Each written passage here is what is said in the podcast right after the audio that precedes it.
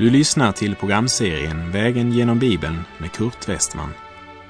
Programmet produceras av Norea Radio Sverige. Vi befinner oss nu i profeten Jesajas bok. Slå gärna upp din bibel och följ med.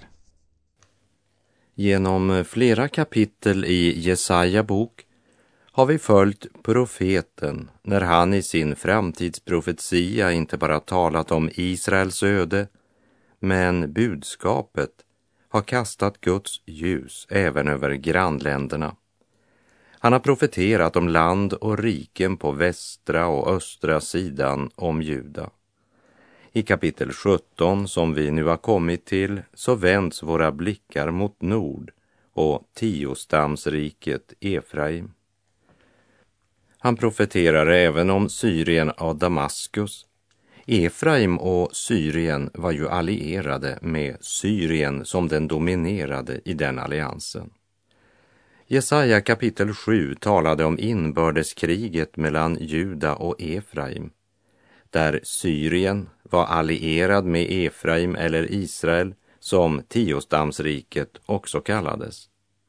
Och alliansen mellan Syrien och Israel skapade stor skräck i Juda. Och dessa två försökte ju också att få Judas kung Ahas med i denna allians. Men Ahas varnades av profeten Jesaja mot att söka trygghet i denna politiska allians. Här i kapitel 17 så kommer Guds dom över tiostamsrikets kompromissmakeri. Och domen faller först över den ledande i denna allians, nämligen Syrien. Och Syriens huvud är ju staden Damaskus, som är huvudstaden, vilket den ju fortfarande är. Många menar att det är en av världens äldsta städer. Men det är det ju många städer som hävdar om sig själv. Det finns många länder som hävdar att världens äldsta stad finns i deras land. Men vi måste nog säga att Syrien har verkligen goda grunder för att hävda att Damaskus är en mycket gammal stad. Samtidigt som jag här vill nämna att i Jesaja 17 syftar Damaskus till hela det syriska riket. Damaskus är ju som sagt Syriens huvud. Efraim är namnet på en av Israels stammar. Det är också namnet på en stad. Och det är också namnet på ett berg och namnet på en man. När det talas om Nordriket, det vill säga det rike som bestod av de tio stammarna i nord, så använder skriften ofta benämningen Efraim. När vi därför här i Jesaja kapitel 17 läser om domen över Damaskus och över Efraim så handlar det alltså om Guds dom över Syrien och Israel. Och på grund av alliansen mellan Syrien och Israel, som ofta hade som mål att krossa Juda, så kopplas Israel samman med den dom som uttalas över Syrien. Är man kompanjoner när det gäller kriminella handlingar så måste man räkna med att vara kompanjoner även när domen faller. Vi läser Jesaja 17, vers 1. Se, Damaskus skall upphöra att vara en stad, det ska bli en ruinhög. Det skall bli en ruinhög. Eftersom dagens Damaskus hävdar sig vara samma stad som det gamla Damaskus, så tror jag att den här profetian ännu väntar på sin slutliga uppfyllelse.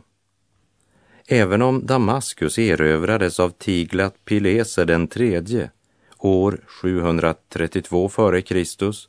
och därefter kom under babylonerna, perserna, grekerna, seleukiderna. År 64 efter Kristus kom staden under romerskt välde.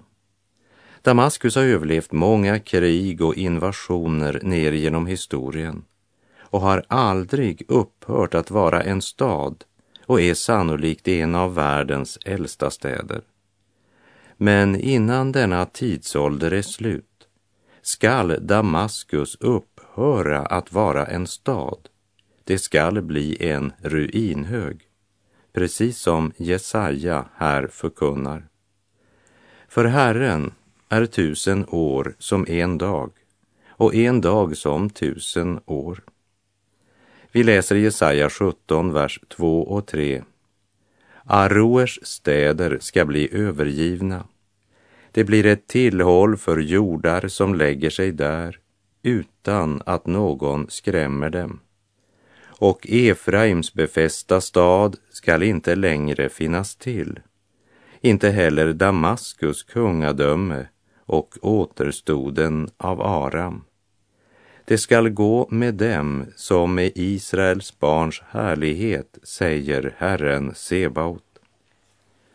Nordriket Israel måste skörda sin del av domen över Damaskus på grund av alliansen som varit mellan de två nationerna. Det man är med i tar man också del i. Det är det Herren syftar till angående Babylon när han säger i Johannes uppenbarelsebokens artonde kapitel och fjärde vers. Och jag hörde en annan röst från himlen säga, gå ut från henne, mitt folk, så att ni inte tar del i hennes synder och drabbas av hennes plågor.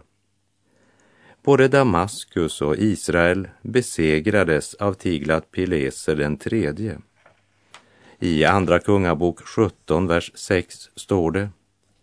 I Hoseas nionde regeringsår intog kungen i Assyrien Samaria och förde Israel bort till Assyrien och lät dem bo i Hala och vid Habor, en ström i Gosan och i Mediens städer. Och Andra Kungabok 17, vers 13 och 14 säger och Herren hade varnat både Israel och Juda genom alla sina profeter och siare och sagt Vänd om från era onda vägar och håll mina bud och stadgar enligt hela den lag som jag gav era fäder. Likaså vad jag har låtit säga er genom mina tjänare profeterna. Men de ville inte höra utan var hårdnackade som deras fäder vilka inte trodde på Herren sin Gud. Allt detta var en del av uppfyllelsen av Jesaja profetia. Samtidigt pekar Jesaja 17 fram emot en dag i framtiden. Guds dom vilade över Nordriket Israel därför att de ingått en allians med Damaskus och sökt tröst och trygghet i politiska allianser istället för hos Gud. Jesaja 17, vers 10. Ty du har glömt din frälsnings Gud. Du kom inte ihåg din styrkas klippa. Därför planterade du ljuvliga planteringar och satte främmande skott i dem. Här talar Jesaja till Nordriket Israel. Och det han förkunnar kommer bokstavligen att gå i uppfyllelse. Men här ligger även en andlig lärdom som överallt i skriften. När man glömmer sin frälsnings Gud blir den ädla säden uppblandat med främmande skott.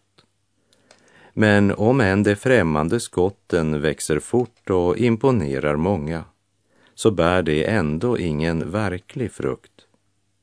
Därför påminns Israel också i vers 11 att tidigt kom dina plantor att blomma, men skörden uteblev. Ty du har glömt din frälsnings Gud.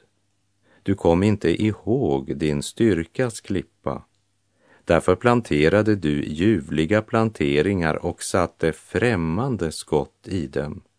Den dag du planterade dem inhägnade du dem? Ja, man var redo att lägga ner mycket tid och arbete på främmande plantor. man till och med inhägnar, det vill säga skyddar, tar vara på. Och det såg en stund ut som om man skulle uppnå det man hade hoppats, för tidigt kom plantorna att blomma. Men man blev bedragen. Den enorma blomningen var falsk alarm. Skörden uteblev. Ty du har glömt din frälsnings Gud. Du kom inte ihåg din styrkas klippa. I Jesaja kapitel 18 uttalas den femte domen och den gäller landet bortom Nubiens strömmar. Man har inte med säkerhet kunnat fastställa vilken nation Jesaja här siktar till.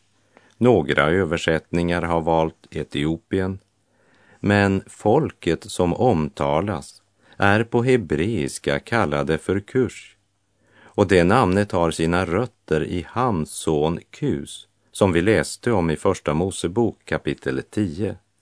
Men Kus efterkommande utbredde sig inte bara till nuvarande Etiopien men även till kustlandet på den arabiska sidan av Röda havet.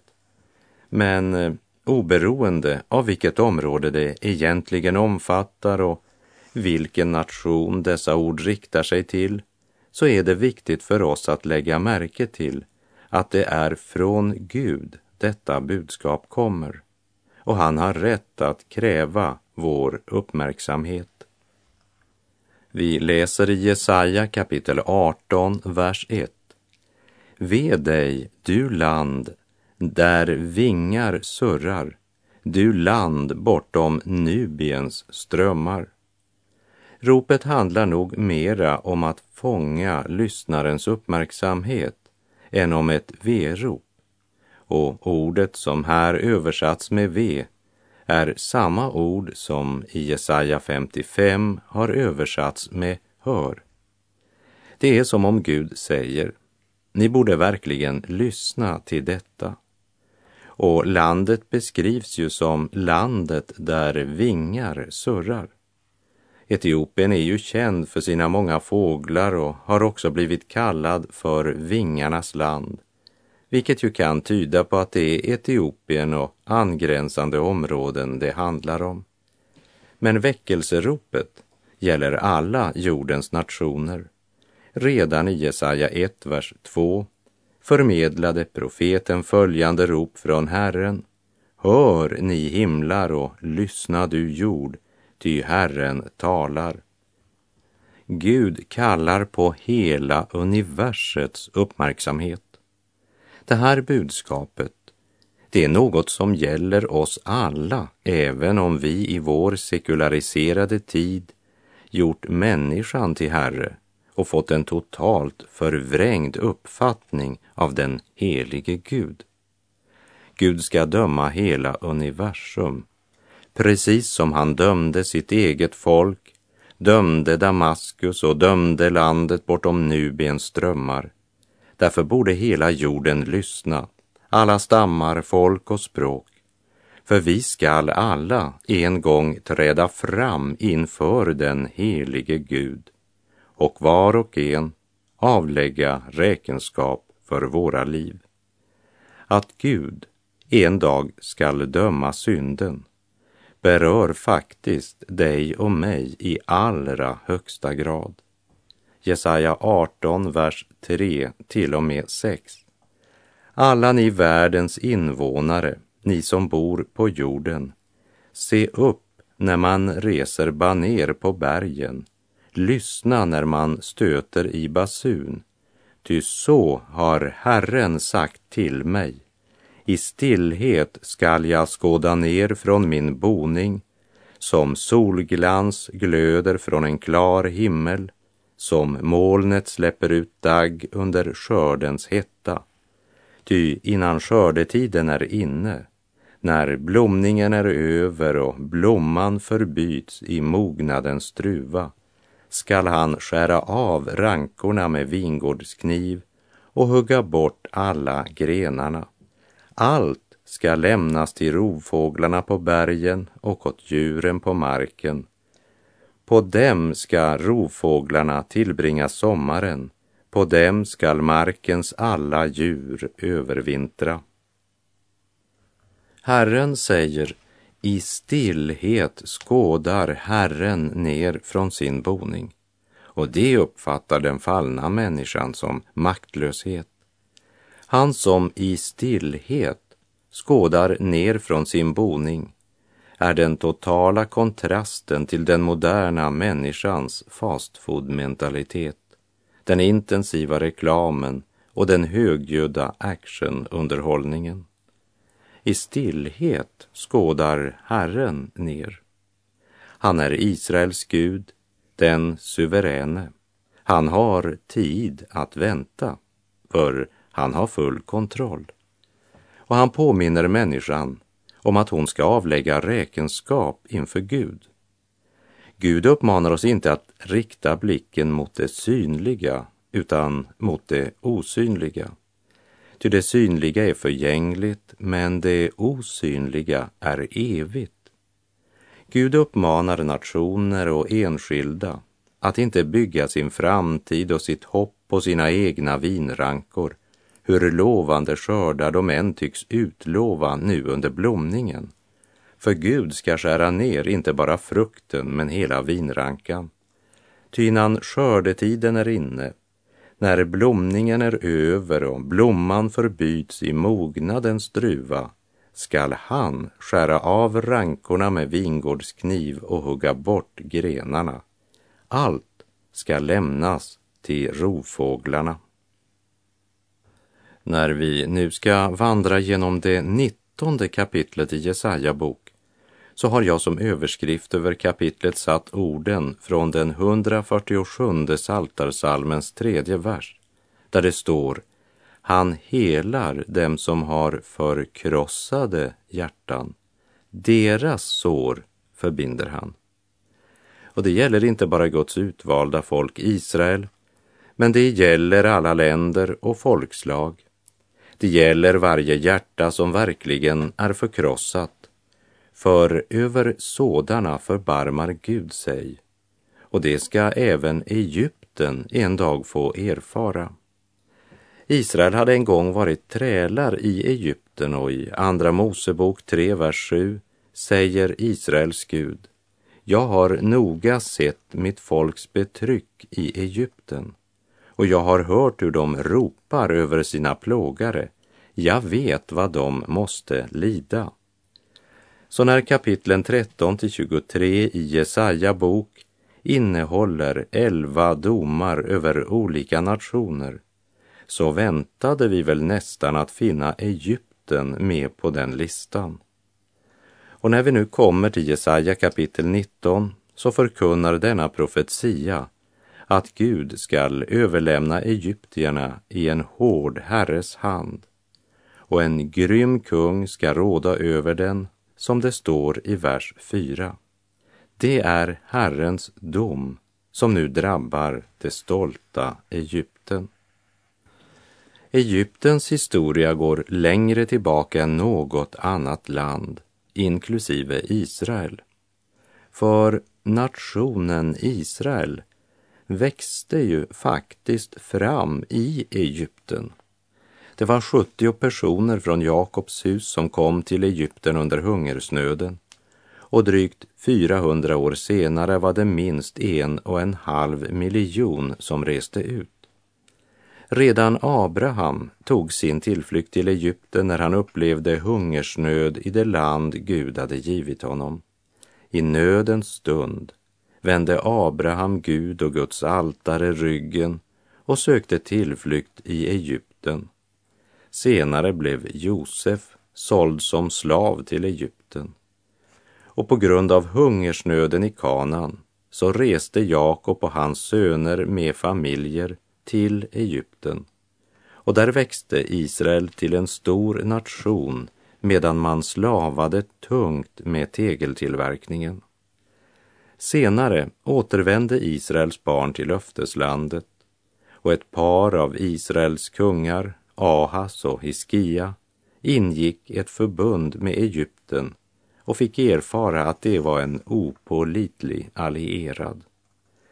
I perioden som utgör tiden mellan Gamla testamentets sista profet och det Nya testamentet, alltså mellan Malaki och Matteus, så led Israel fruktansvärt under Egyptens grymma hand. Och när Herren Jesus föddes så blev han förd till Egypten. Och under evangeliets första tid så blev många vunna för Kristus i Egypten. Jesaja bok började med Guds dom över sitt folk Israel. I kapitel 13 följer Guds dom över Babylon eller Babel. Och mot slutet av kapitel 14 följer Guds dom över Assyrien och sedan över Filisteen. Kapitlen 15-16 innehåller Guds dom över Moab. Och vi lägger märke till den beskrivande överskriften som folkbibelns översättning har satt på Jesaja kapitel 19. Egyptens förnedring och upprättelse. Jesaja låter oss följa Egypten i dess förnedring då deras planer görs om intet och de överlämnas i en hård herres hand. I denna nöd vänder Egypten sig till Gud och därav följer deras stora och härliga upprättelse. Så kapitlet slutar med en underbar soluppgång för både Egypten, Assyrien och Israel. Men innan den här upprättelsen kan ske så måste tuktans svärd drabba det stolta Egypten. Likt Guds dom också uttalats över Israel och Assyrien. Det är som det står i Första Samuelsbokens andra kapitel, vers 6 och 7. Herren dödar och gör levande. Han för ned i dödsriket och upp därifrån. Herren gör fattig, han gör också rik. Han ödmjukar, men han upphöjer också. Vi läser Jesaja 19, vers 1. Se, Herren far fram på en snabb sky och kommer till Egypten. Egyptens avgudar bävar för honom och egyptiernas hjärtan smälter i deras bröst.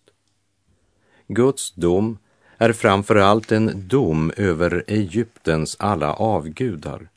Och det temat ska vi studera närmare när vi kommer till profeten Hesekiel. Här ska vi nöja oss med att konstatera att när Guds timme kommer skakas allt som bygger på avgudsdyrkan. Vi påminns om att den mäktiga hand som förlossade Israel från Egyptens träldom också ska hålla dom över Egyptens avgudar en dag. I Jobs bok 36.19 står det Hur kan han lära dig be om inte genom nöd och genom allt som nu har prövat din kraft? Och nu beskriver Jesaja något av den nöd som ska komma över Egypten. Vi läser Jesaja 19, vers 5 till och med 7. Vattnet i havet skall torka ut, floden sina och ebba ut. Strömmarna ska stinka, Egyptens kanaler krympa ihop och torka ut, rör och vass vissna bort. Ängarna vid Nilen längs flodens strand och alla sädesfält vid floden ska torka ut, fördärvas och bli till intet. Och går vi vidare till vers 15 så säger profetian Egypten kan inget uträtta, varken huvud eller svans, palmtopp eller sävstrå. Varken rik eller fattig, varken de högt uppsatta eller tjänare och daglönare ska kunna uträtta något som får någon större betydelse för Egypten. Vers 15 säger att hela systemet kollapsar, hantverk och industri. Tänk, Egypten var en gång en av världens ledande nationer tills Guds dom gick över landet. Men profetian ska en dag bokstavligen uppfyllas. Och då ska Egypten i sin nöd ödmjuka sig för Herren och ropa till honom om hjälp. Jesaja 19, verserna 19 till och med 25.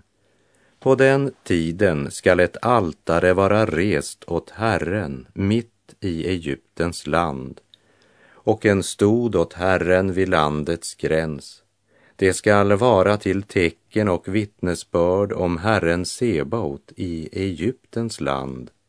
Ty när det ropar till Herren på grund av förtryckarna skall han sända dem en frälsare, en stor frälsare, och han skall befria dem. Herren ska göra sig känd för egyptierna och egyptierna ska på den tiden lära känna Herren. De ska tjäna honom med slaktoffer och matoffer och avge löften åt Herren och infria dem. Så skall Herren slå Egypten, slå men också hela. När de omvänder sig till Herren skall han bönhöra dem och hela dem. På den dagen ska det finnas en banad väg mellan Egypten och Assyrien och assyrierna skall komma in i Egypten och egyptierna in i Assyrien och egyptierna skall tjäna Herren tillsammans med assyrierna. På den tiden skall Israel vara den tredje vid sidan av Egypten och Assyrien, en välsignelse mitt på jorden. Herren Sebaot ska välsigna dem och säga, välsignad vare Egypten, mitt folk, och Assyrien, mina händers verk, och Israel, min arvedel. Egypten och Assyrien var bittra fiender och båda var fiender till Israel. Men Immanuels profetiorna slutade med en banad väg för den lilla rest som hade blivit kvar när Herrens dom hade gått över Israel. Guds dom och fantastiska upprättelse banar en öppen väg mellan dem som tidigare varit bittra fiender. Och denna triangel med Egypten, Assyrien och Israel ska tillsammans tjäna Herren. Och den dagen så är det ingen falsk allians som bildar grunden för gemenskapen, men det är fridsförsten, Immanuel, Messias, Guds son. Och med det så är vår tid ute för den här gången. Och jag avslutar med den sista versen i Jesaja 19. Herren Sebaot skall välsigna dem och säga Välsignad vare Egypten, mitt folk, och Assyrien, mina händers verk, och Israel, min arvedel. Och det är i Kristus den välsignelsen ligger. Se Guds lamm som tar bort världens synd. Herren vare med dig, må hans välsignelse vila över dig. Gud är god.